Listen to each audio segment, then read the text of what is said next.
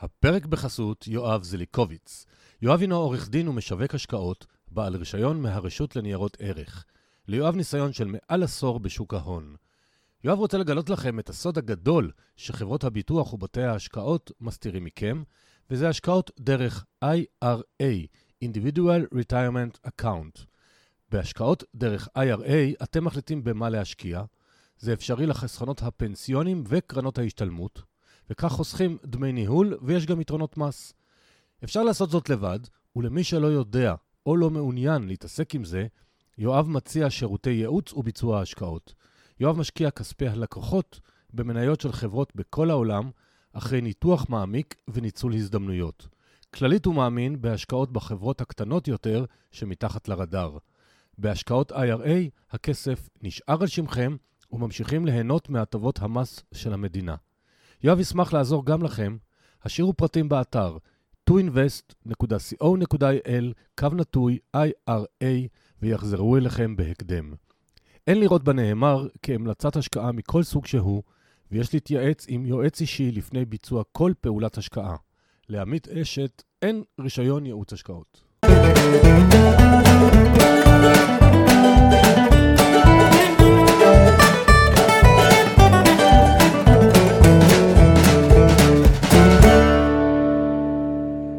שלום לכולם, זה עמית. ברוכים הבאים לפרק נוסף בפודקאסט.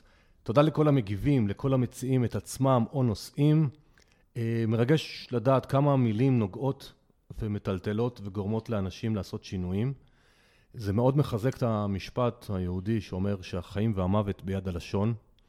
אז אה, הצעה, תשימו לב תמיד לאיזה מילים יוצאות לכם מהפה, מול הילדים, מול הבוס, מול החברים. כי מהתגובות שאני מקבל, כמה פודקאסט שינה לאנשים את החיים, אומנם במישור הפיננסי, זה מראה איזה עוצמה יש למילים, וזה ממש ממש מרגש. היום יש לנו פרק בנושא הכי חביב עליי, ואתם יכולים לנחש מי שעוקב אחריי, וזה שוק ההון. אני כבר יותר מ-40 שנה נמצא שם, וממשיך ללמוד ולהתפתח, כי הוא פשוט אינסופי. והאורח שלי היום הוא נועם מדר, שלום נועם. היי עמית, ערב טוב. אז נועם הוא בן 33, הוא מתכנן ויועץ פיננסי, עם תשע שנות ניסיון בשוק ההון. הוא עבד פעם בגרשיים, מה שאני קורא, בפנים, ועל זה לא נדבר, נדבר לא מעט היום. והבהרה חשובה לי בטוח וגם לנועם, כל מה שנגיד בפרק הזה, גם אם נזכיר שמות של חברות או דברים, זה לצורך לימודי בלבד.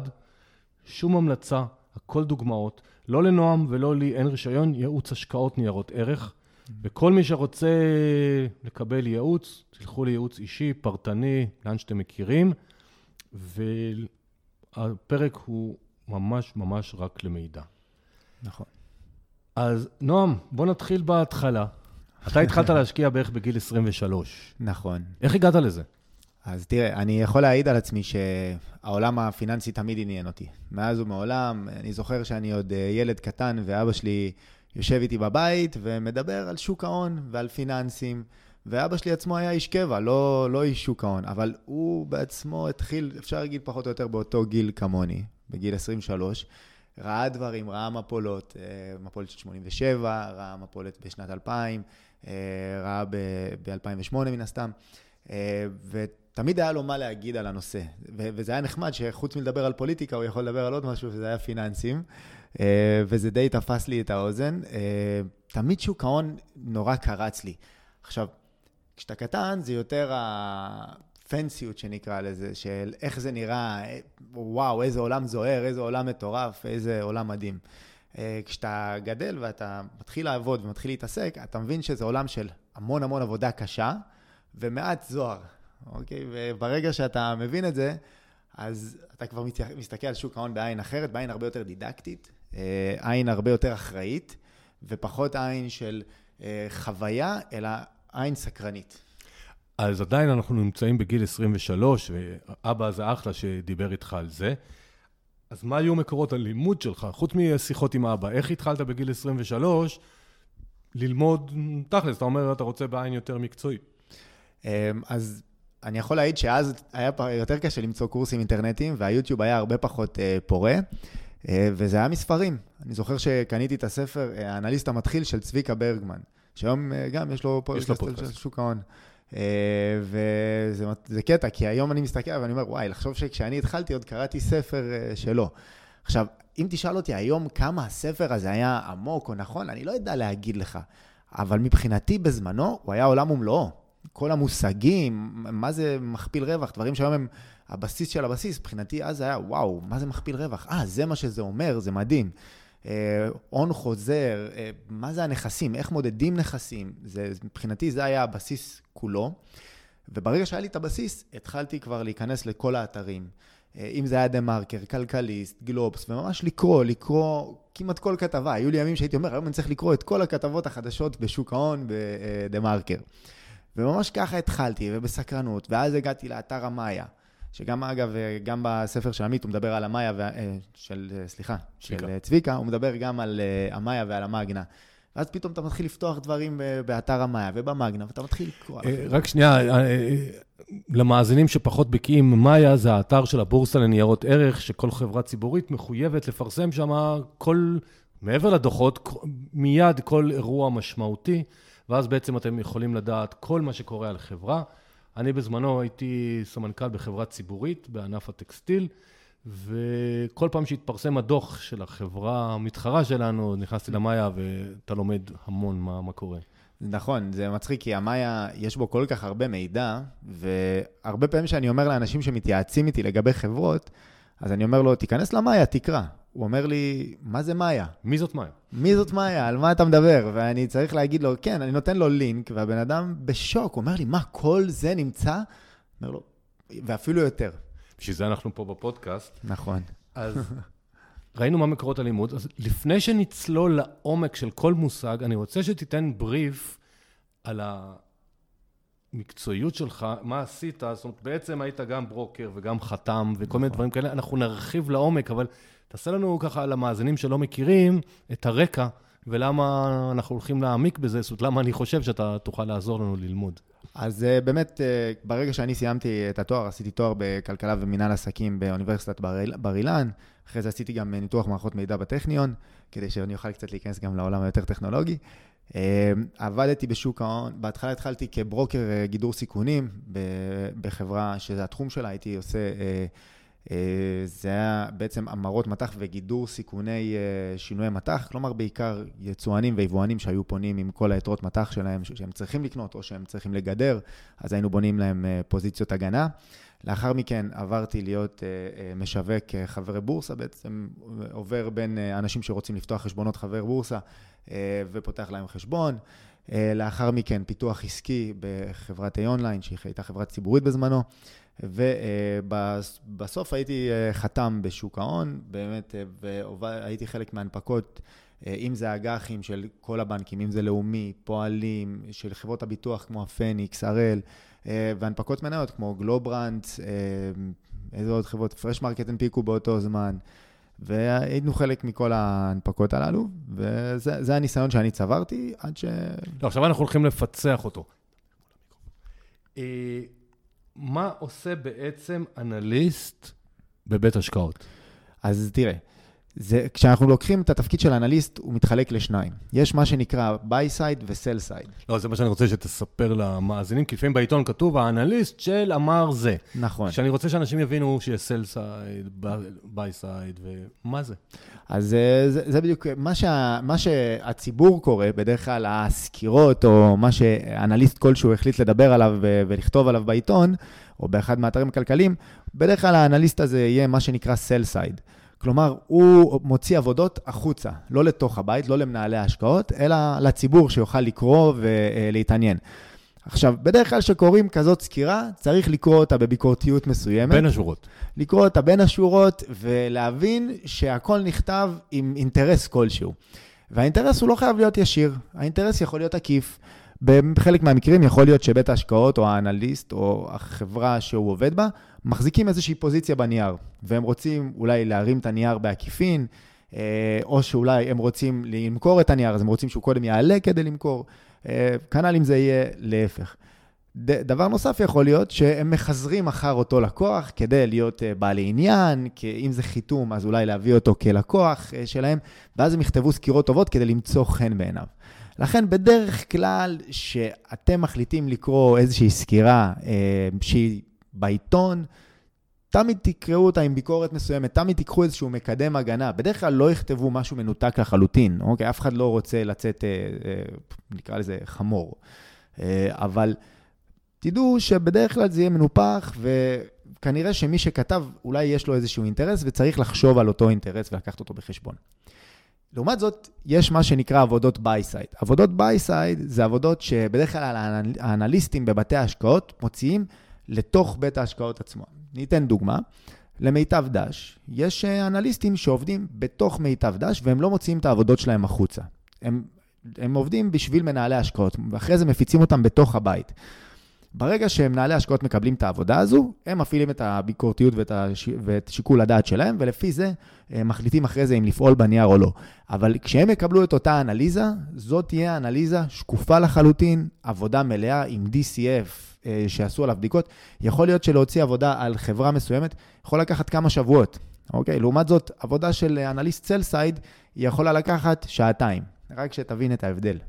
כן, כי עוד פעם, שתבינו, ה-by side זה לקחת כספי עמיתים או כספי הבנק, אה, מה שנקרא נוסטרו, עוד מעט נרחיב מה זה נוסטרו בכלל, וזאת אחריות הרבה יותר גדולה מאשר לכתוב איזושהי כתבה, ויקראו אותה, לא יקראו אותה, יקרא, יקרה לה ככה או אחרת. מעולה.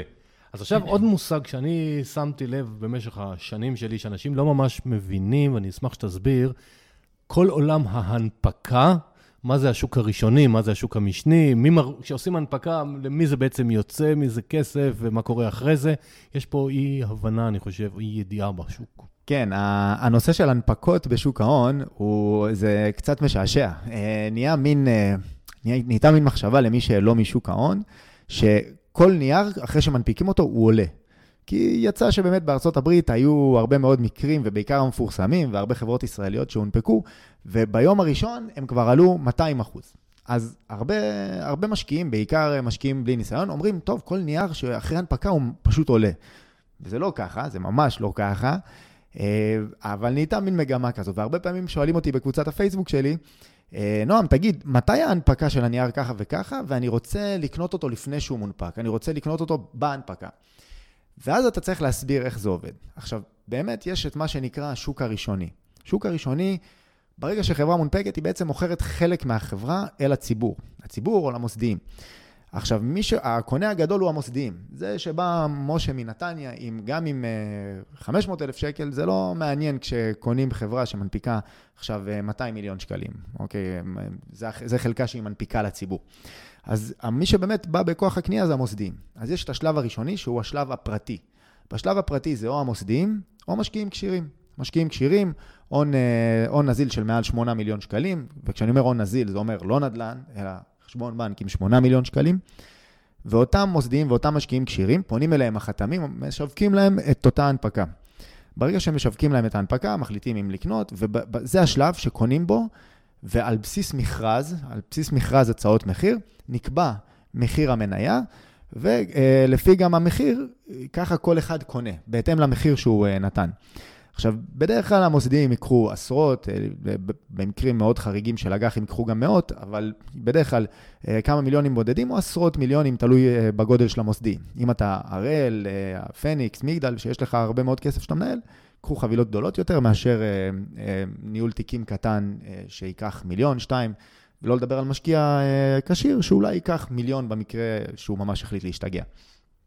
אז זה מה שנקרא השוק הראשוני, פה גם הם מקבלים בדרך כלל את הנייר עם איזשהו דיסקאונט של 2.5 אחוזים. אוקיי, הוא הוסכם על מחיר מסוים, הם יקבלו עוד איזה 2.5 אחוזים הנחה. זה השלב הראשוני, זה מה שנקרא הנפקה אה, בשלב הפרטי. זה השלב שאפשר לקנות, והוא באמת השלב שעשוי להיות משתלם. עכשיו, למה אני אומר משתלם?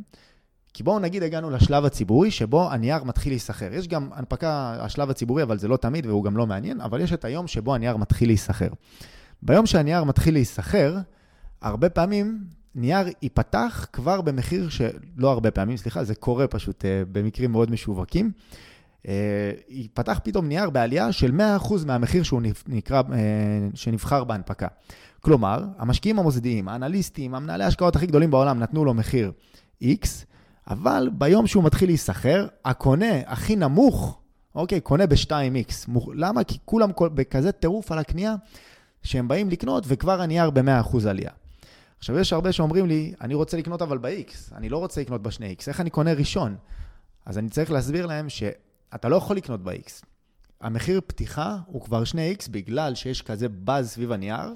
אנחנו תכף נגיע לנושא החתמות. אני רוצה עוד שנחזור רגע מה זה שוק המשני, זאת אומרת שאנשים יבינו, ממך, לא ממני, לא, מה שאני מתכוון, שבעצם בעל החברה מרוויח בהנפקה הראשונית לכסף, מרוויח, מקבל נכון.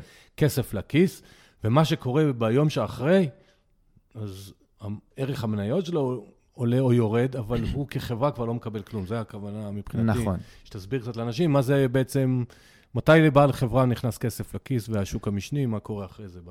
אז, אז באמת השוק, ה, השוק הראשוני, אז בואו נגיד שיש לנו בעל חברה, שיש לו חברה שהוא חושב שהיא שווה מיליארד אה, שקלים, והוא עושה רוד שהוא עובר בין המוסדיים, מנסה לשווק את החברה, והם אומרים לו, אוקיי, נראה במכרז. מגיע המכרז, אגב, הוא נגיד מחזיק כרגע 100% מהחברה, כלומר כל המיליארד שקלים שלו. אה, החברה בשוויה. והוא מחליט שהוא מנפיק לא את כל החברה, כלומר הוא רוצה לשמור חלק מהחברה בכיס שלו, הוא אומר אני מנפיק 50 50 מהחברה לפי שווי מיליארד שקלים. מגיע, עובר בין בתי ההשקעות, מגיע המכרז, ובאמת הוא מקבל הצעות שעומדות במיליארד שקלים הללו, ו, אה, ואומר שהוא מצליח לגייס 500 מיליון שקלים, כלומר 50% מהחברה, לפי שווי של מיליארד.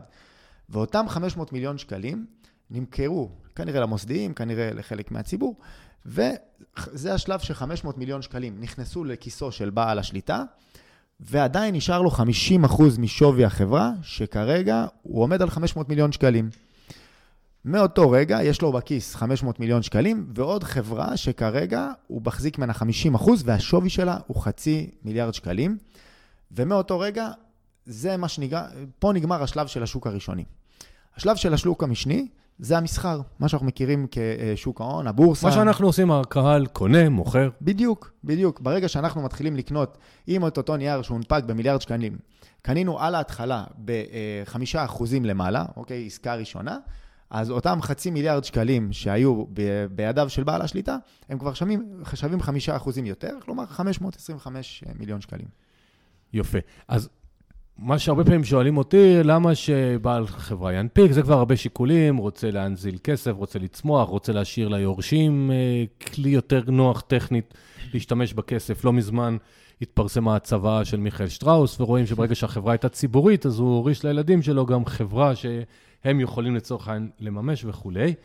ומאותו יום שזה נכנס אליו הכסף, כמו שנועם אמר, הוא מושפע מהאחוזים שיש לו, כמו שאתם מושפעים, עם אותם אלפי שקלים שאתם הכנסתם.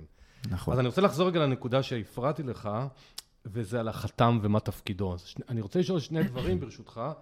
אחד, מה זה תפקידו של חתם, גם עבדת שם, ודבר שני, יש היום המון המון דיונים, אנחנו מקליטים את הפרק בסוף פברואר 2021, אתם אולי תקשיבו אליו בעוד שלוש שנים, אבל אה, כרגע אנחנו בסוף 2021, ויש המון המון ויכוחים בארצות הברית נגד חתמים, שהם בכוונה מורידים את הערך כדי שאנשים יעשו כסף, ואז מוצאים כל מיני חברות ספאק ותחמונים ותחכומים כדי להעלות ערך. אז קצת ספר לנו מה זה חתם ומה האינטרסים של חתם באופן עקרוני. אמ, קודם כל, אני, אני אציין שיש הבדל מאוד גדול בין השוק בארץ לבין השוק בארצות הברית, בכל הקשור לחתמים או בנקאים להשקעות, אה, ולכן גם האינטרסים הם שונים. אה, סתם, סתם לדוגמה... שתף אותנו, בשביל זה אנחנו מדברים. סת, סתם לדוגמה, אה, לא, לא הרבה יודעים, שוק האג"חים בארץ הוא כנראה השוק הכי, משוכ... הכי משוכלל בעולם. בארץ האג"חים מסחרים בשוטף, כמו אפשר להגיד מניות.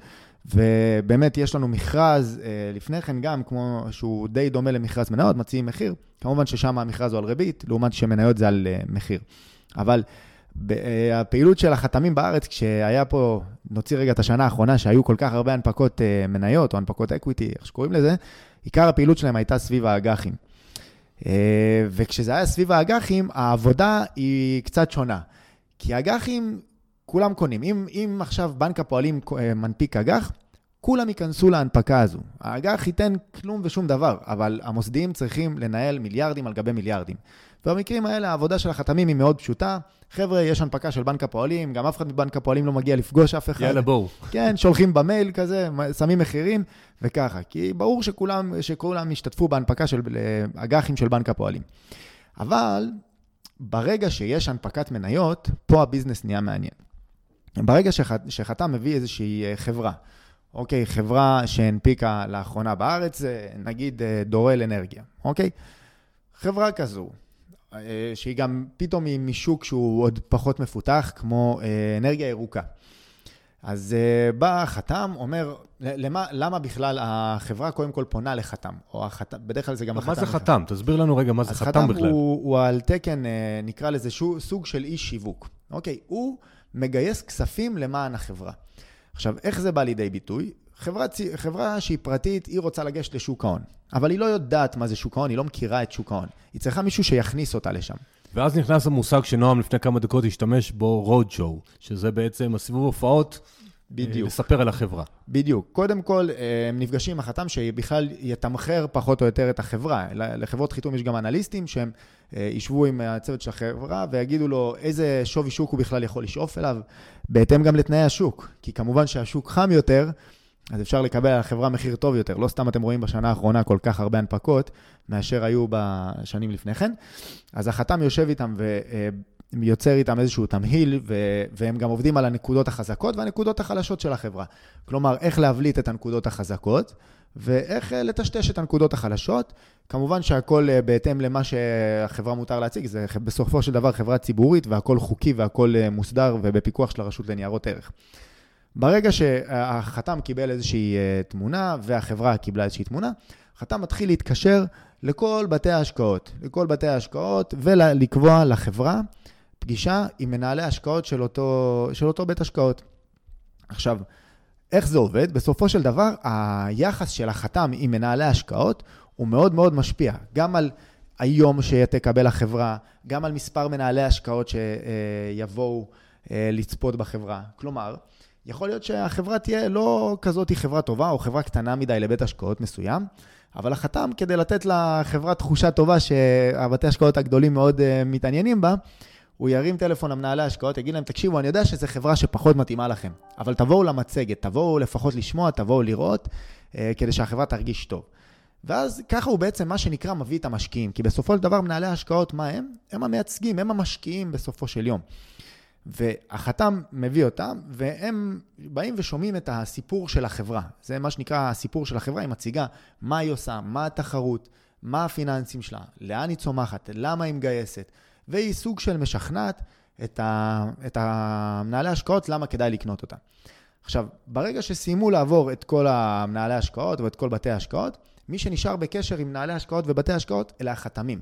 חתמים מדברים עם המנהלי ההשקעות, מסבירים להם למה החברה טובה, מפעילים עליהם איזשהו, אה, לא נקרא לזה לחץ, מפעילים עליהם כוח איזשהו... כוח שכנוע. כוח שכנוע, אה, למה החברה טובה ולמה כדאי לקנות אותה ולמה אה, כדאי להשתמש בה, ולמה כדאי לנסות ולהיכנס בנייר. וגם פה נכנס הקשר עם, בין החתם לבין מנהל ההשקעות.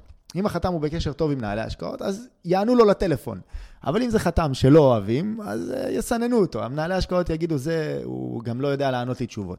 עכשיו, חשוב להיות מאוד מקצועי כשאתה חתם ולהכיר את החברה לעומק, כי בסופו של דבר, מי שיתקשר אליך לשאול אותך שאלות, זה האנליסטים וזה מנהלי ההשקעות, שהם בדרך כלל ברמה, אה, ברמת הבנה הרבה יותר עמוקה ממך, או יותר, יותר מכירים את השוק, כי זה העבודה שלהם. ואתה, אם אתה כחתם מכיר את החברה שלך לעומק, ולמדת אותה טוב, יהיה לך תשובה להכל.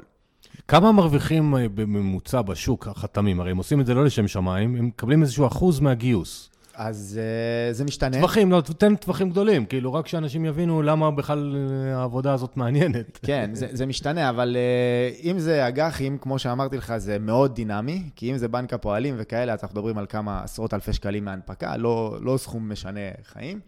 אבל לעומת זאת, כשזה uh, פתאום מניות, זה יכול להיות 2, 3 ו-4 אחוזים מהנפקת מניות. עכשיו, תחשוב שחברה באה ומגייסת 200 מיליון שקלים, והחתם אה, עושה על זה 4 אחוזים, אנחנו מדברים פה על אה, סכום של... אה, לא, לכן אתם צריכים להבין שחתם, בייחוד בחו"ל, שמדברים פתאום על כל מיני חברה קיקיונית או לא קיקיונית עם מיליארד או 2 מיליארד דולר, אתם מבינים שמתגלגלים פה סכומים מטורפים, זה לא איזה... נכון. סכומים קטנים. יופי.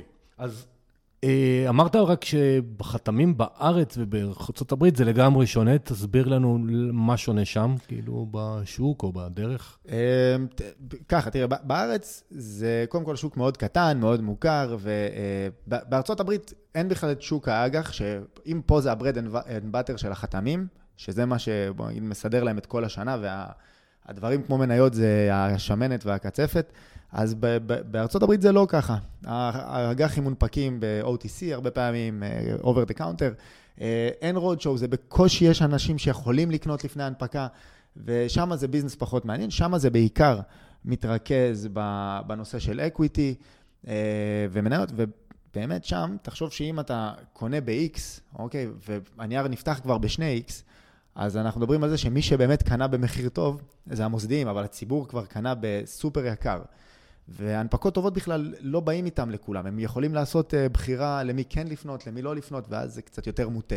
כן, כי מה שקרה בשנת 2020-2021, אנחנו בתחילתה יחסית, שביום הראשון יש עליות מחירים מטורפות, ואז אני קורא על זה הרבה כתבות נגד, נגד החתמים, שהם מסדרים קומבינות לחבר'ה, ואז הם אחרי יום, שבוע, חודש, כי יש להם תקופת החזקה לפעמים, הם עושים אחוזים ניכרים. ובעצם בעלי החברה מפסידים הרבה כסף, כי כמו שאמרנו, כן. רק בהנפקה בעל החברה מרוויח. כן. זה, זה נכון, אבל שוב, זה יותר רלוונטי דווקא לארה"ב. אני יכול להעיד... ארה"ב, לא, ש... דיברתי על ארה"ב. אני יכול להעיד שבארץ זה, זה לא ככה. לא, דיברתי על ארה"ב. אה, ובארצות הברית, כן, יש לך את כל הנושא של הטיות, ובאמת, זה, זה קצת יותר מורכב שם. אני גם לא עבדתי שם, אז אני לא יודע להגיד לך ב-100% כמה זה שונה. אני גם לא עבדתי, אני קורא, אבל מה שאני רוצה בפרק הזה, שלכן אה, אני שואל את נועם המון שאלות, מה שנקרא, כמו שאמרנו בהתחלה, מבפנים, שתבינו שזה עולם, גם זה עולם מורכב ולא הכל תמים, ולא מה שכותבים לנו בעיתון תמיד, צריך אה, לראות אותו כנכון, זה כבדהו וחשדהו. Mm-hmm. אני רוצה שנעבור לעוד מושג שהוא משתמשים בו והרבה לא מכירים אותו, נוסטרו. נוסטרו. מה זה נוסטרו? אז אה, נוסטרו זה, אה, אפשר, אפשר לקרוא לזה החלום של כל אחד שרואה קורס על ניתוח טכני בבור, באינטרנט. כל, כל הזמן אנשים שרואים קורס ניתוח טכני כלשהו אומרים, האם אני יכול לעזוב את העבודה שלי ולהיות סוחר בורסה? עכשיו, מי, ש, מי שרוצה באמת להיות סוחר שוק ההון כמקצוע, אוקיי, כדי לעזוב את העבודה וזה מה שלעשות, אז הוא הולך לעשות מה שנקרא להיות סוחר נוסטרו. נוסטרו זה אומר לסחור על הכסף שלך באמצעות אשראי כלשהו שתקבל. עכשיו, אה, למה אני אומר באמצעות אשראי כלשהו שתקבל? כי בדרך כלל בן אדם שיבוא ויתחיל להשקיע בשוק ההון או לסחור בשוק ההון, בוא נגיד יהיה לו 100 אלף שקלים. קיבל מאבא 100 אלף שקלים, מתנה, בוא תתחיל להשקיע בשוק ההון. ובוא נגיד הייתה לו שנה, בדרך כלל אנחנו יודעים שהממוצע של המדדים לאורך שנים הוא באזור ה-8-9 אחוזים, הוא ינסה לנצח את המדדים בהרבה, יעשה 20 אחוזים, אוקיי? אז אנחנו מדברים על זה שאחרי שנה יהיה לו לא 100 אלף שקלים, יהיה לו 120 אלף שקלים, תוריד מס, יהיה לו 115 אלף שקלים. אבל אתה מבין שאלו לא סכומים שאפשר להתקיים מהם. אז איך באמת אפשר להגיע למצב שאתה עובד עם סכומים שאתה מתקיים מהם? אתה צריך לעבוד ממונף, אוקיי? וסוחר נוסטרו בדרך כלל יעבוד אה, ממונף כמקצוע. אגב, כשאומרים נוסטרו, הכוונה על, אה, על כסף שלך. עכשיו, כשאני מסתכל נגיד על בתים כמו הראל, פניקס וכולי, לכולם יש מה שנקרא אה, מחלקת נוסטרו, ששם זה מנהלי השקעות שלא מנהלים את הכסף של הגמל עמיתים, אלא מנהלים את הכסף של הבית, ומנסים להכות איתו את השוק ולייצר לבית כמה שיותר כסף. אז זה גם ש... אה, שתיקחו כנקודה. כן, אבל אני לא הבנתי מה התכוונת בממונף, ברמה הפרטית, כן, אבל נוסטרו, שהזכרת את הראל, מגדל, אה, מנורה, כל ביתי השקעות, mm-hmm. שם, אני, לא, אני לא יודע, אבל אה, נוסטרו בעיקרון זה כספים של החברה. נכון. שנצברו עם הרווחים עם השנים, או... נכון. מי, ש, מי שבעצם סוחר עצמאי, שמחליט שהוא רוצה עכשיו להתעסק כסוחר בורסה, כמקצוע, ילך וינסה שמישהו ייתן לו מינוף. אוקיי, יפנה לבנק, יפנה לאיזה בית סוחר נקרא לזה, דוגמת אה, ברק קפיטל, דוגמת, דוגמת אה, ענבר, אה, group, שזה אומר שיגידו לו, אוקיי, אין בעיה, קח עכשיו 300 אלף שקל, 300 אלף שקלים לעבוד איתם, ואז אם תהיה לדוגמה הנפקת אג"חים, הוא יכול לצא, לפנות לבנק, להגיד, אוקיי, אני משעבד מההון העצמי שלי, מה-300 אלף שקלים הללו, אני משעבד 100, אבל אני צריך שעל המאה האלה ששיעבדתי לכם, תנו לי אה, עכשיו אה, 500 לעבוד איתם. והבנק לוקח את הניהול סיכונים שלו, אומר, טוב, יש לי פה 100 אלף שקלים אה, ערבו, uh, ערבות, אני אתן לו כרגע לעבוד עם חצי מיליון שקלים. אם הוא יפסיד מתוך חצי מיליון שקלים 100 אלף שקלים, אני סוגר לו את הפוזיציה ואני ככה לא מסתכן. על, ה... על האשראי הזה משלמים ריבית, כמו כל אשראי. ואז אותו סוחר יעבוד עם, ה... עם, ה... עם הסכומים שהבנק יקצה לו. עכשיו, אם זה הנפקת אג"חים, זה יהיה תלוי בדירוג. כי אם זה בדירוג, כי אם זה אג"ח של בנק הפועלים, כנראה הוא לא יפסיד הרבה כסף, אז הוא יוכל אפילו להתמנף פי 20 ברמות האלה. כלומר, על 100 אלף שקל יכולים לתת לו 2 מיליון שקלים. אה, אבל אם זה מניות, אז גם פה, מניות תל אביב 35 יקבל מינוף מסוים, מניות תל אביב 90, אה, מינוף אחר. מחוץ ל-125, לפעמים הוא לא יקבל מינוף, תלוי בהרבה דברים. אבל כדי לייצר תשואה שאולי הוא יוכל להתקיים ממנה, הוא יהיה חייב לעבוד עם סכום ממונף, כי עם 100, 200, 300, גם עם חצי מיליון שקלים, מאוד מאוד קשה לייצר סכום אה, שקש, שאפשר להתקיים ממנו, תהיה מוכשר ככל שתהיה. נכון. אז אני רוצה לחזור רגע לעולם המנהלי הכספים עבורנו, חברות הביטוח, בתי ההשקעות וכולי, ובעצם דיברנו שיש נוסטרו, שיש מסחר עם כסף הפרטי שלהם, שהם רוצים לייצר עוד כסף לבעלי החברה. מצד שני, הם משקיעים את כספי ציבור, מה שנקרא. Mm-hmm.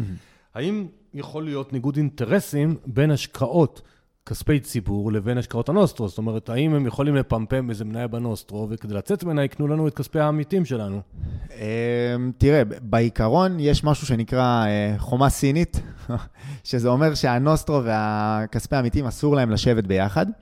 אוקיי, הם uh, בגדול אסור להם לשבת באותה קומה, אני לא יכול להגיד לך שזה באמת מה שקורה. אבל מותר להם לאכול צהריים. אבל מותר להם לאכול צהריים ביחד, ומותר להם, אבל אני, אני יכול להגיד לך בכנות, ש...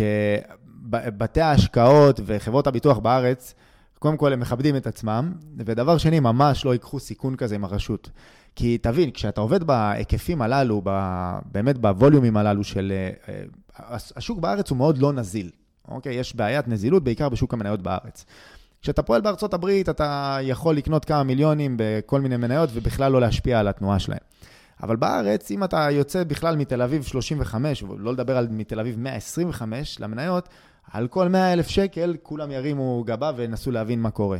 אז תחשוב שאם אנחנו מדברים על חברה, אה, ניקח דוגמה את אה, אה, מנורה, שמנהלת 220 מיליארד כספי עמיתים, והיא מנהלת כמה מיליארד, מיליארדים בנוסטרו שלה, אז היא לא עכשיו תתחיל, כל תנועה קטנה שהיא תעשה, היא לא, היא, היא דרמטית. היא לא יכולה עכשיו לעשות בשביל 100 אלף, 200 אלף, היא תצטרך לעשות בשביל כמה מיליארדים. וכמה מיליארדים ישר יבלטו. אז הנורות אזהרה ישר יעבדו. אז כביכול אפשר לעשות, הם לא יעשו דבר כזה, זה כי הם יותר מדי בולטים. יש לך אולי 10-15 אה, חברות שבאמת יכולות להשפיע על השוק באופן מהותי, אולי קצת הגזמתי, אולי קצת, אה, בוא נגיד 20 אפילו, אבל אה, הם לא, הם לא ייקחו את הסיכון הזה, הוא ממש לא שווה להם. להגיד לך שלא היה בעבר, בעבר אני בטוח שהיה. לא, בסדר, אני, אני מעלה את השאלות כי אני רואה את, הש... את החוסר אמון שיש לרבים מול, ה... מול השווקים ומול המוסדות, וחלקם אפילו בצדק. אז אני רוצה שבפרק הזה נעל... נענה ונעלה על שאלות ונעלה נושאים למחשבה. כי השאלה הבאה שעולה לי היא, מה בעצם עושה מנהל ההשקעות שמנהל לנו את הכספים וזה יכול להיות אה, תיק מנוהל אה, זה, זה יכול להיות קופת גמל להשקעה, זה יכול להיות פוליסת חיסכון וזה יכול להיות קרן פנסיה. אבל תסביר לנו בבקשה קצת, גם מאחורי הקלעים, מה בעצם עושה מנהל ההשקעות? דיברנו על sell side, buy side, אבל נכון. איך זה עובד? אז אה, גם בתחום של מנהלי השקעות, מנהלי השקעות הם עושים דברים שונים אחד מהשני. קודם כל, נגיד, נתחיל בזה שבדרך כלל הם יחולקו לכאלה שמתמחים במניות וכאלה שמתמחים באג"חים. ולא סתם, השוק בארץ הוא אה, שוק מאוד, אה, עם, עם מוטה אג"חים מאוד, ולכן אם אתה מנהל השקעות שמתמחה באג"חים, יש לך מקום שווה, שווה כמו מנהל השקעות שמתמחה במניות בארץ. אה, אפילו אומרים שלהיות מנהל השקעות בתחום האג"חים, זה אולי פחות סקסי, כי בחוץ מניות זה מה שנראה יותר טוב. אבל אלה המנהלי השקעות האמיתיים, מה שנקרא, החוקרים האמיתיים, שבאמת עושים עבודת אנליזה. עכשיו, גם כאן, כשאנחנו מסתכלים על מה מנהל השקעות עושה, יש לנו כמה תחומים. יש לנו את תחום הגמל, השתלמות פנסיה, שזה מה שנקרא חיסכון טווח ארוך, אפילו שהשתלמות זה טווח בינוני, אבל מסתכלים על זה כטווח ארוך. אה, יש לנו את, ה, את הקרנות נאמנות, שזה יותר משתנה, אוקיי? זה דווקא מנהלי השקעות שהם יותר אה, אקטיביים. ויש לנו את מה שנקרא ניהול תיקים ויועצי השקעות בבנקים, שהם מנהלי השקעות, בוא נגיד, פסיביים. הם אה, פחות מקבלי החלטה, אלא יותר אה, אנשי שיווק. אה, כמובן שיש להם את השיקול דעת שלהם, אבל בדרך כלל יהיה איזשהו מנהל השקעות אחד מלמעלה, שהוא מחליט על מתודולוגיית ההשקעה, והם אולי יבצעו כמה פעולות בהתאם למה שהלקוח מבקש, כי זה הרעיון בניהול תיקים, שיש לו את הרמת גמישות הזו, אבל הם פחות uh, יהיו הבולטים. איפה אתה ממקם אבל את קרנות הסל וקרנות מחכות? כי קרנות נאמנות uh, הן קצת שונות מקרנות סל, קרנות מחכות, וגם קופות גמל להשקעה, איפה אתה ממקם אותן בחיסכון טווח ארוך הוא לא, כי הוא יכול דווקא... להיות ארוך והוא יכול להיות לא, זה תלוי. לא, אבל קופות הגמל להשקעה, מי שמנהל אותם זה אותם מנהלי השקעות. אה, אתה מדבר של... על, על המנהלים, איזה סוג מנהלים. כן. אז, אז קרנות הסל וקרנות מחכות הם המנהלים האקטיביים, כי בעצם זה, סל זה, זה אין בו הרבה מה לעשות. האמת שקרנות הסל והקרנות המחכות זה רובוט. אה, סוג של, רובוט, זה לא, לא מנהל השקעות של רובוט, זה, יש ממש רובוט שקונה אותם בהתאם. אוקיי? בהתאם לתנועות של המדד. מה שכן, יש מנהלי השקעות שהם אה, סוג של מפקחים עליהם, ובאמת אה, אה, בוחנים את התנועה ורואים שהכול אה, תקין, אבל אה, קרנות הסל והקרנות המחכות, בעבר זה מצחיק, היה פשוט מבצע, ממש מישהו שלא יכול לצאת לשירותים, כי הוא צריך כל הזמן לקנות ולמכור בהתאם לתנועה של המדד. למזלם, לפני כמה שנים יצא הרובוט הזה שנקרא אה, ג'ושוע, והוא קונה ומוכר להם בהתאם לתנועה הזאת של תעודת הסל. אז uh, היום, אם אתה מסתכל על הקרנות מחכות ותעודות הסל, קרנות הסל היום זה נקרא, זה לא באמת מנהל השקעות, אלא יותר רובוט שמבצע, והם שמה. המנה... בוא נגיד המנהלים, uh, אם אתה מנסה לחלק אותם לפי uh, הרמת בכיר שבהם, בדרך כלל המנהלי קרן פנסיה, גמל והשתלמות, אלו הבכירים ביותר.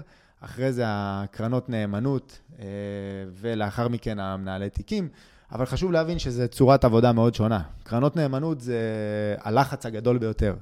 אז רגע, לפני זה, אנחנו תכף מגיעים לזה, אז אולי צריך להסביר קצת מה זה ועדת השקעות, כי כשאתה דיברת על מנורה, על הראל, עוד פעם חברות ביטוח, כן. כלל, זה לא ש... או מצד שני, המנהל תיקים שיושב איתכם ומחתים אתכם על ה-15 דפים בשאלון של שאלון הסיכון, הם לא ממש קובעים, אז בואו אולי תספר לנו מה זה ועדת השקעות. אמ, תראה, זה נכון להגיד שהם לא קובעים ב-100%, כי בסופו של דבר יש את הוועדת השקעות שהיא מתודולוגיה של הבית. ועדת השקעות זה בעצם, אם ניקח בית השקעות כלשהו, אמ, כינוס של כמה מנהלי השקעות מהבית, אה, עם מי שנקרא מנהל ההשקעות הראשי, בכל בית השקעות יש לה מנהל השקעות הראשי, אה, אם זה... אה, הראל, מנורה וכל הגדולים, אז בדרך כלל זה מישהו שהוא מאוד ותיק ומאוד מוכר בשוק ההון, והוא מתווה את מתודולוגיית ההשקעה ואת תוכנית ההשקעה. אה, אם זה בית השקעות אה, יותר קטן, אה, דוגמת מור, אלטשולר, בדרך כלל זה יהיה הבעלים, אם זה אלי יוסי לוי במור, אם זה גלעד אלטשולר באלטשולר שחם, שבסופו של דבר הם יושבים בוועדת ההשקעות ומתווים את הדרך של הבית, מה מאמין יותר, מה, מה מאמין פחות, וגם תלוי באיזה תחום. דוגמה, אם זה במור, יכול להיות שמנהל השקעות ראשי בתחום הקרנות נאמנות, הוא לא אותו מנהל השקעות ראשי בתחום הגמל. ואותו מנהל השקעת ראשי מתווה דרך. מתווה עכשיו, אנחנו השנה הזו חושבים שהממשלתיות, ש, שהממשלתיות יחסית אה, אה, יקרות, ואנחנו לא נרצה להתקרב אליהן, נהיה אה, דווקא יותר בשוק המנייתי, כי הריבית אפסית. מצד שני, כשאתה מסתכל על ה... כמעט על כולם, נגיד על מסלול כללי, שזה הכי קל להשוות אותו, כאילו לראות תוצאות, אתה רואה כמעט כולם בסוף עם אותו אחוז, נגיד, במניות.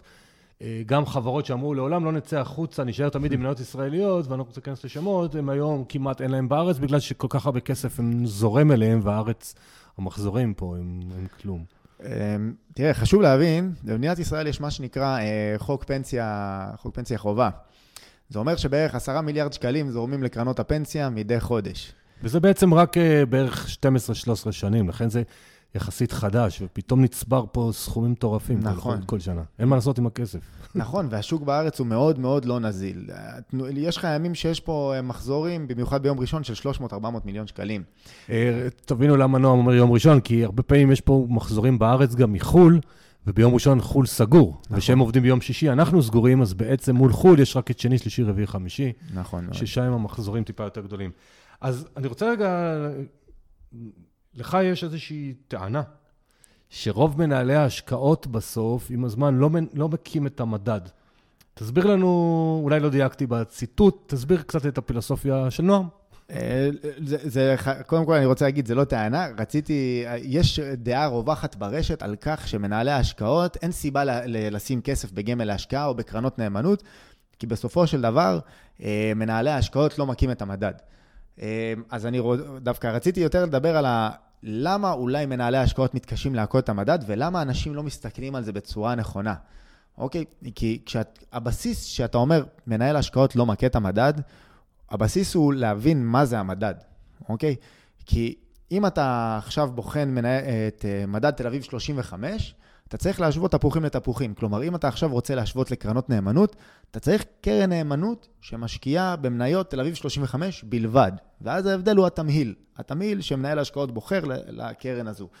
אבל אם אתה בוחר עכשיו אה, להשקיע במדד תל אביב 125, אה, אם אתה, סליחה, בוחן עכשיו את תשואת מדד תל אביב 125, אבל אתה בחרת בקרן נאמנות או בפנסיה במסלול כללי, נתת את הדוגמה של מסלול כללי, שזה אומר בערך 70 אחוז אג"חים, 30 אחוז מניות, אתה לא יכול לצפות שהיא תעשה את אותה תשואה, כי אתה מראש בחרת מסלול סולידי יותר, אוקיי? בתמהיל סולידי יותר, כי אתה שונא סיכון או פחות יודע, והרבה פעמים אומרים, אה, מנהלי השקעות לא מצליחים להכות את המדד, ואז נותנים לך דוגמה לקרן הפנסיה שלהם במסלול כללי בהראל. ואת- והם בכלל לא מבינים שזה לא להשוות תפוחים לתפוחים, זה כמו להשוות אה, פרארי לסובארו. אתה לא משווה אה, רכב שהמטרה שלו היא להפיק תשואה מאוד גבוהה, אבל בצורה מאוד מסוכנת. אה, לכן אני אומר שלפני שאומרים מנהלי השקעות לא יודעים להכות את המדד, אין סיבה לשים אצלם את הכסף, צריך להבין מה זה המדד, צריך להבין איך אתם בוחנים אותם. יש הרבה אנשים שאפילו קרנות סל וקרנות מחכות, הם לא רוצים לקנות אותם. לא, אני בעל הון, יש לי uh, כמה מיליוני שקלים, לא בא לי עכשיו כל חודש להיכנס, לקחת את ההון הנזיל שלי ולקנות uh, את התעודת סל העוקבת מדד.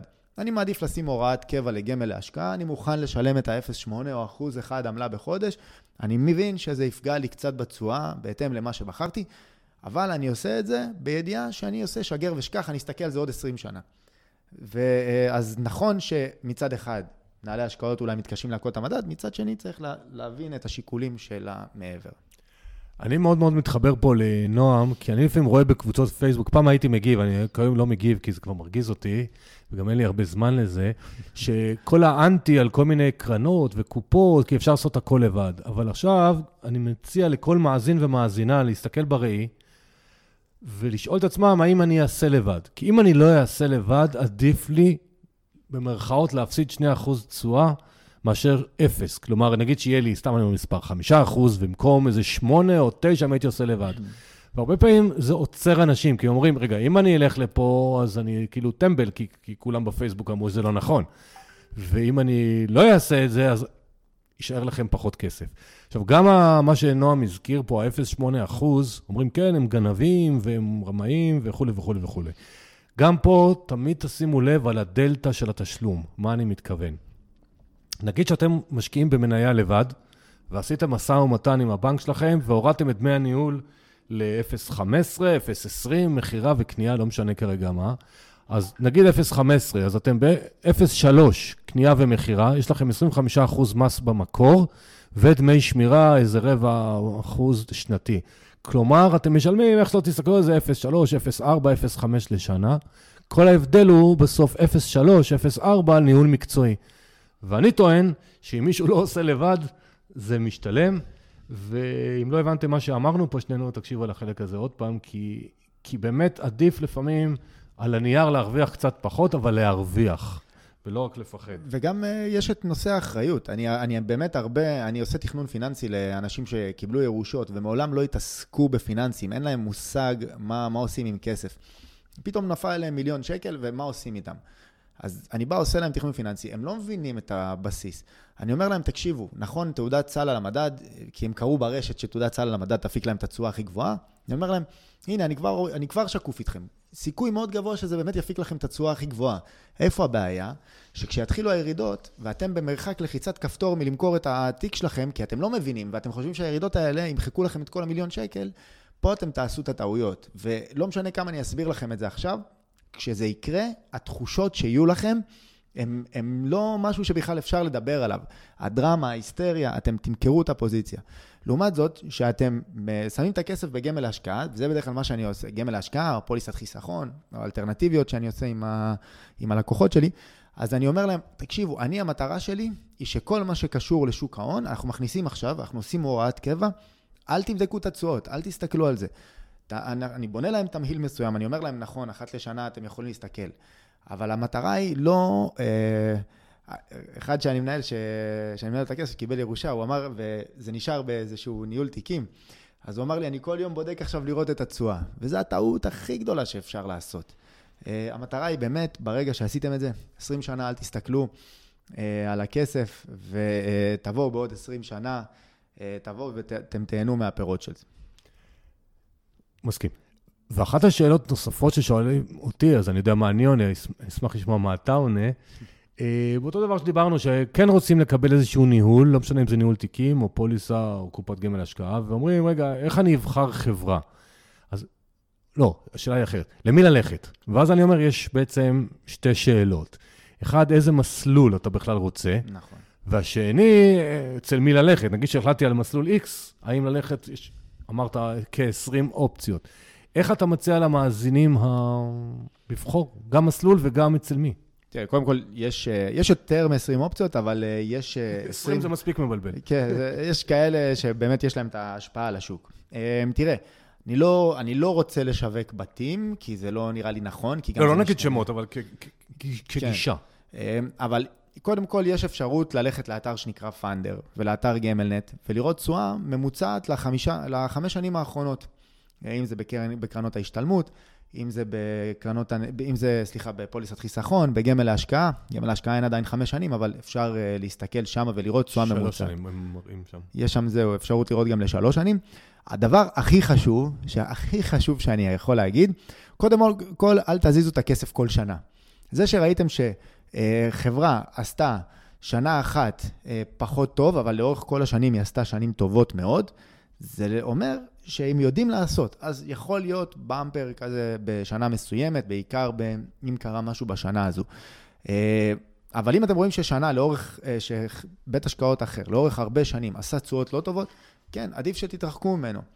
אה, לא חסר, לא חסר בתי השקעות שיודעים לעבוד. הרעיון הוא באמת לבחון את זה. עכשיו, אני כבר אגיד שיכול להיות שזה יהיה קצת בעיה כשאתם עובדים עם סוכן ביטוח כלשהו, או סוכנות ביטוח כלשהי, כי רוב סוכנויות הביטוח הן מטעם אה, אחד מחברות הביטוח בארץ. אז אולי באמת עדיף דווקא להתייעץ עם אנשים שאתם, שאתם מכירים, שיש להם אולי איזשהו ניסיון, אה, או אם יש לכם איזשהו סוכן ביטוח שאתם סומכים עליו. אה, העניין הוא שבדרך כלל סוכן, סוכני ביטוח, הם יגיעו מטעם חברות שהן מחברות, או שיש להם איזשהו הסכם איתם, וזה יהיה קצת מוטה. אז הדרך הנכונה לבחון את החברה היא באמת על ידי שיקול דעת, על ידי התייעצות עם אנשים לא תלויים, אוקיי? וזה ייתן לכם את, ה... את האפקט הטוב ביותר. לגבי המסלול, המסלול שאתם צריכים לבחור הוא תלוי גיל, הוא תלוי uh, התוכנית שלכם לגבי הכספים.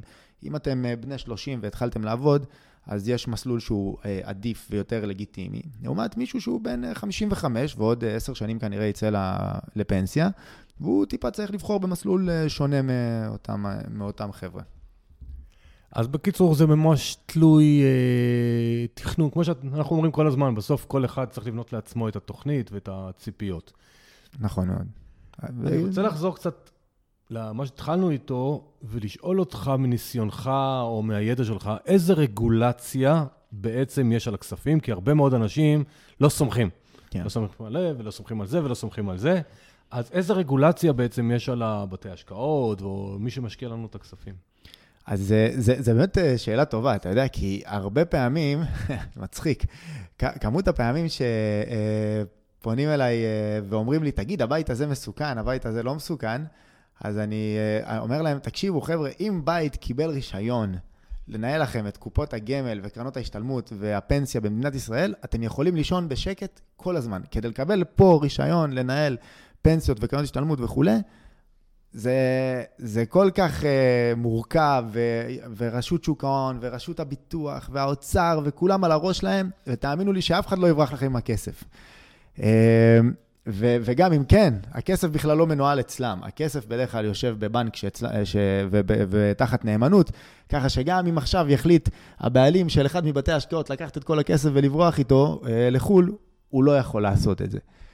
אז כל מה שקשור לתחום הזה של של פנסיה, גמל וקרנות השתלמות, הכסף בטוח. אני אשים פה כוכבית. בכל מה שקשור לפנסיה, אה, יש את הפנסיה החדשה, שהיא, אה, ש, שהיא שונה מקרנות הפנסיה הישנות. מה, ברירת מחדל? או קרנות הפנסיה לא, החדשות? לא, קרנות הפנסיה החדשות. אוקיי. Okay. אל מול הקרנות הפנסיה הוותיקות, ששם באמת היו תנאים קצת שונים. אם אתם תראו, לדוגמה, את אה, חברת מגדל, היא עמוסה בקרנות פנסיה ישנות, ולכן היא נסחרת כל כך נמוך מתחת להון שלה. בגלל ש... שיש להם תנאים שהיום הם פחות מותאמים, הם יותר מותאמים לתנאי שוק של אה, ריבית גבוהה, כי הם, הם הבטיחו שם תשואה, מה שנקרא, שהיום אה, קשה לעמוד בה, כי כביכול הריבית אפסית, אז הם לא יכולים להתחייב אה, לאותה תשואה. אז, אז באמת חשוב להבין שהקרנות הישנות, אלה שעמוסים בקרנות ישנות, יש להם קצת, יש להם איזה שוני מול הקרנות החדשות, שפה זה סופר בטוח. ושם זה, זה גם מאוד בטוח, אבל יכול להיות uh, כל מיני דברים שהמדינה אולי תצטרך להתערב בהם באיזשהו שלב. אבל הכספים הם בטוחים לחלוטין. גם אני חושב את זה, וכל אלה שאומרים, לא יהיה לי פנסיה, ואני לא חוסך לפנסיה כי אני לא מאמין בהם, אני חושב שחלקם הגדול עושים טעות, אבל זו דעה אישית. אני הולך לשאול את נועם שאלה שלפני שאני אומר אותה, אני מזכיר לכולם שכל מה שאנחנו משמיעים פה זה דעות אישיות שלנו, גם שמות, גם רעיונות. יש דברים שנועם חושב א', אני חושב ב', אולי שנינו לפעמים חושבים אותו דבר. אה, אז באמת, זה לא מידע לימודי. אז השאלה היא, היום המון המון גופים מקימים קרנות השתלמות וקרנות פנסיה וכולי, מסלול, מסלולים עוקבי מדד מסוים. אומרים מדד פסיבי מסוים, לרוב זה בחו"ל, נכון. לרוב זה אפילו ה-S&P 500, ומעניין אותי לדעת מה דעתך האישית על זה. האם אתה חושב שזה מסלולים שדיברנו על 10-15 שנה טובים, אולי יש בהם איזשהו סיכון או סיכוי שלא היה במסלולים הרגילים עד היום, כי זה טרנד של השנה האחרונה. אה, תראה, אם אני מסתכל ברמת המקרו, אוקיי, ברמת המקרו על מסלולי עוקבי מדד, אה, הפתרון הוא מצוין. אבל חשוב להבין שאנחנו מדברים על אה, מסלול שהוא 100% מניות, אוקיי? אז אם אנחנו חבר'ה באמת שרחוקים מהפנסיה, אז מסלול של 100% מניות הוא נהוג ויותר הגיוני, ויכול להיות שנבחר בו. אבל אם אנחנו אה, חבר'ה לקראת אה, גיל הפנסיה או בגילאים יותר מבוגרים, יכול להיות שלא נרצה מסלול שהוא 100% מניות, וחשוב להבין, כל השיווק של עוקב מדד הוא מעולה והכל טוב, אבל הוא מאוד מאוד תנודתי. אז היום מדברים על זה מכל כיוונים, על מסלול עוקב מדד, שבאמת בסך הכל מדובר על מסלול טוב, אבל זה עדיין 100% מניות, זה אחד. דבר נוסף לגבי זה, נכון, למסלול עוקב מדד, מי שהיה במדדים בעשר שנים האחרונות, במיוחד ב-S&P 500 ובנסדק בעיקר, עשה תשואות היסטריות, תשואות ממוצעות של 20% לשנה, מספרים באמת יוצאי דופן. אממה, אני לא הייתי, אם היום הייתי צריך לשים במסלול עוקב מדד, פחות הייתי רץ לשם. כי אחרי עשר אה, שנים כל כך טובות, אפילו הייתי אומר 12 שנים כל כך טובות של, אה, של אה, מדדים מסוימים, שזה ה-S&P והנסדק, נכון, היום העולם הוא ללא ריביות, והיום אה, יש, השוק הרבה יותר יעיל מבחינה טכנולוגית, ולכן אין עליות מחירים, ומדפיסים כסף, וכל ההסברים, הכל נכון. אני בסופו של דבר הייתי נזהר מלשים את כל הכסף שלי על מדד מסוים אחד, שתלוי בכלכלה אחת. נכון שלא משנה מה יקרה, בסופו של דבר אם ארה"ב תיפול, כל שאר המדדים ייפלו וכנראה כל הבורסה, וכל הבורסה אה, תלך לאיזושהי ירידה. אה, אבל חשוב להבין שאימפריות נופלות, ויכול להיות שבעוד כמה שנים פתאום ארה"ב היא כבר לא תהיה מובילת השוק שהיא היום, ואין לדעת, ולכן אני היום לא הייתי שם 100% מהכסף שלי על ה-S&P 500 או על הנסדק או על עוקב מדד בסגנון הזה. ועוד נקודה, שחלק מהמדדים האלה הם לא מוגני מטבע, מי שלא מבין את המושג הזה. ברוב המדדים האלה אתם גם חשופים גם לשינוי שער הדולר. זאת אומרת, יכול להיות שהמדד יעלה ב-10%, אם השקל יתחזק מול הדולר ב-5%, אז נטו קיבלתם 5%, לא 10%. חלקם בדמי ניהול טיפה יותר גבוהים עושים הגנה. בקיצור, תבינו טוב במה אתם משקיעים. בעצם כל הפרק הזה כמעט מבחינתי נועד לגרום, אה, שתבינו עוד קצת על שוק ההון, תראו עוד, עוד זוויות, ובסוף תקבלו החלטות, השקעה שמתאימות לכם ומה שאתם צריכים. אה, היום, אנחנו בפברואר, כמו שאמרתי, 21, מכפילי הרווח מאוד מאוד גבוהים בעולם. זאת אומרת, כמו שאמרת, כל המדדים כבר עולים ועולים ועולים ועולים. יש חברות שמנפיקות, שלא נדבר שאין להם מודל רווח, גם אין להם מודל הכנסות אפילו. אה, דיברנו על זה באוף דה רקורד לפני הזה, אפילו כמה חברות, שלא נזכיר את שמם. אז השאלה שלי היא, איזה כלים יש, אם בכלל, להחליט היום אה, לאיזה חברות להיכנס? אה, תראה, קודם כל, תמיד יש איך למצוא את החברות הנכונות. מה זה נכון? אז יפה, מה זה נכון הוא מאוד רחב. תראה, אתה, אתה יודע, אני בעצמי הרי מלמד שוק ההון, ויש כל מיני שיטות שבאמצעותם אתה מתמחר מניה. עכשיו, כמובן שאין אף פעם 100%, ומי שאומר לכם שיש 100%, תברחו. אה, ו, אה, וגם כשאתה מתמחר מניה, תמיד משהו יכול לקרות לה. אין מה לעשות. יכול להיות שתהיה מלחמה, יכול להיות שהתעשייה תקבל רגולציה על הראש. ת, תמיד תיקחו בחשבון שהכל יכול לקרות, ובגלל זה מאוד מאוד חשוב לפזר. אה, עכשיו, כשאנחנו עכשיו נבוא בתקופה כזו, ונחליט שאנחנו רוצים לחקור מניה, אנחנו נצטרך להתייחס אליה בהתאם. נכון שהמכפילים היום מאוד גבוהים, מצד שני, אנחנו בעולם של ריבית אפסית כבר עשור. מצד שלישי, אנחנו בעולם שלא, שלא מפסיקים להדפיס פה כסף, אבל אין אינפלציה. למה אין אינפלציה? כי העולם היום אין, לא יכולה להיות עליית מחירים, כי מייצרים בסין או במקומות כאלה, ובמקביל השוק מאוד יעיל, כולם יודעים מה המחירים ואף אחד לא קונה יקר, ו- ויודעים איך לקנות זול. אז נכנסנו למין אה, לופ כזה בעשור האחרון של עולם חדש שאנחנו לא uh, כל כך מכירים. מה אנחנו כן מכירים ומה אנחנו תמיד יודעים? שחברה טובה במחיר זול, היא תמיד שווה קנייה. חברה טובה במחיר זול היא תמיד עסקה טובה. אוקיי, אז אם אני בא לחברה שאין לה מודל הכנסות, שאין לה מודל רווח, שהיא עדיין הפסדית, שלא יודעים מתי היא תהפוך להיות רווחית, אני בכלל לא יודע איך להתחיל לבחון אותה. או שאני יכול להפעיל הנחות מסוימות, אבל בסוף אין לי את ההבנה האמיתית להאם אני קונה חברה טובה או לא. לעומת זאת, אם אני הולך על, אה, על מתודולוגיה של בחינת מניות, שהיא, שהיא אולי, אה, נקרא לה עתיקה, אוקיי, קיימת יותר מ-100-120 שנה, שזה השקעות ערך, המתודולוגיה של אה, ג'ואל גרינבלט אה, ווורן באפט אה, ובנג'מין גרהם, שהוא אבי התורה, השיטה.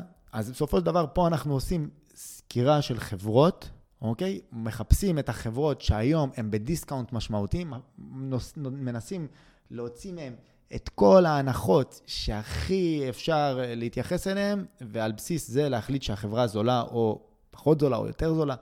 אבל בסופו של דבר, יש שיטה אחת שמכירים, וגם אם היא לא עובדת ב-100%, היא עובדת באחוז מסוים, ויש שיטה אחת שהיא הימור, שזה פשוט להסתכל על חברה שהיא מאוד מעניינת, מאוד מגניבה, או מאוד buzzword מאוד כזאת, בכותרות. מאוד בכותרות.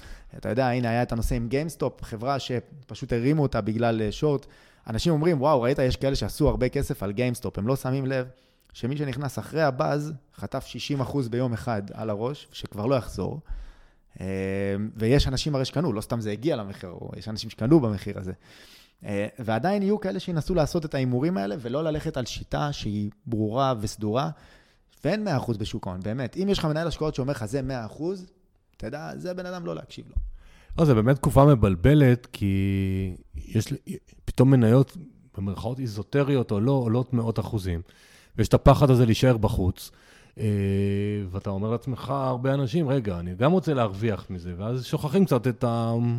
את הפחדים. נכון. ומה שאני תמיד אומר, כי אני כנראה לא רחוק מהגיל של אבא שלך, וחוויתי גם את משבר הבנקים ב-82, הייתי כבר בן 20 אז, והצלחתי בפוקס אה, לא להפסיד שם. אז אנחנו המבוגרים יותר חווינו מלא משברים. הדור בערך שלך, שכבר איזה... מ-2008 בעצם היה מכות קטנות, נכון. קטנות בכנף, 11 גם היה קצת, אבל נכון. היה מכות קלות מאוד בכנף, גם הקורונה במרץ, שזה זה, זה אירוע מזעזע. נכון. אחרי שבועיים, שלושה חודש, בום, הכל חזר. חזר. אז uh, פשוט, פשוט תשקיעו, אבל תדעו מה אתם משקיעים.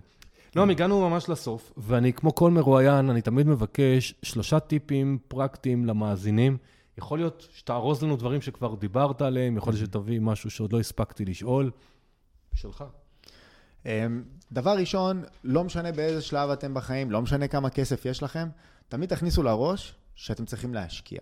אם זה להשקיע בהשכלה שלכם, תשקיעו בהשכלה שלכם. אם כבר חסכתם קצת כסף, תשימו אותו גם בכלי פיננסי כמו קרן נאמנות, כמו גמל להשקעה, שמנסים לדבר עליו אה, דברים לא טובים. תבינו שבסופו של דבר זה הדריסת רגל שלכם בעולם ההשקעות, ואתם צריכים לעשות דריסת רגל כלשהי, בכל שלב, בכל גיל. זה אה, אחד. דבר שני, תמיד תלמדו, תמיד תהיו רעבים, כי אה, השקעה זה לא משהו שנגמר. יש כאלה אומרים, בסדר, אני אשקיע שנה, שנתיים ואני אקח את הכסף. לא, זה לא עובד ככה. ברגע שהתחלת להשקיע, אתה משקיע לנצח. כי גם אם הצלחת לחסוך איזה סכום ואז קנית איתו בית, ברגע שעוד פעם יהיה לך איזה 5,000 או 10,000 שקלים, אתה כבר תרצה להשקיע אותם חזרה. אז תמיד תלמדו, תמיד תהיו רעבים, תמיד תנסו לחקור. אה, ודבר שלישי ואולי אה, הכי חשוב, אף פעם אל תעשו משהו בגלל שאתם מרגישים שאתם מפסידים, אוקיי? אתם לא מבינים כמה, יש, אה, כמה הזדמנויות יש בשוק, בבורסה, מדי יום ומדי שבוע. אני יכול להגיד לכם, אני עצמי, כמות הפעמים, עד היום, עם כל הניסיון שיש לי, שזה אה, כמעט עשר שנים כבר בשוק, עדיין אם אני מפספס איזו הזדמנות שחקרתי איזה נייר, ושנייה עוד לא נכנסתי אליו ופתאום הוא טס, אני דופק על השולחן בעצבים ואומר, אה, פספוס. אבל אחרי כמה זמן, אני, אחרי כמה, חצי שעה, אני כבר אומר לעצמי, בסדר, נו, עוד שנייה כבר אני אמצא עוד איזה מניה כזאת. העיקר זה כל הזמן לחקור, לחפש, ולדעת שהזדמנויות חוזרות. שאף אחד לא יגיד לכם שפספסתם הזדמנות, היא לא תחזור. מסכים על כל שלושת הדברים. נועם, תודה רבה, היה מרתק. רבה. אני מקווה שנהנתם, שלמדתם. תפנימו בעיקר את הקטע, ברגע שנכנסים לעולם ההשקעות ומבינים את הכוח של הריבית דריבית, זה עובד, וזה יעבוד לכם לנצח. נכון מאוד. אז, ותודה רבה באמת שהקשבתם.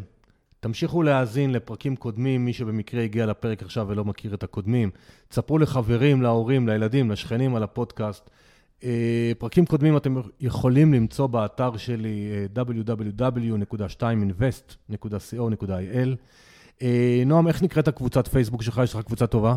יש לי קבוצה, שמה הוא פיננסים, השקעות ושוק ההון, יחד בונים עתיד. אני מדבר בה על שוק ההון, על כל הפיננסים, אני מדבר על, אני, יש לי שם סרטונים שאני מסביר על מושגים פיננסיים וגם ראיונות עם כל מיני אנשים משוק ההון, וגם דברים שאני מציע.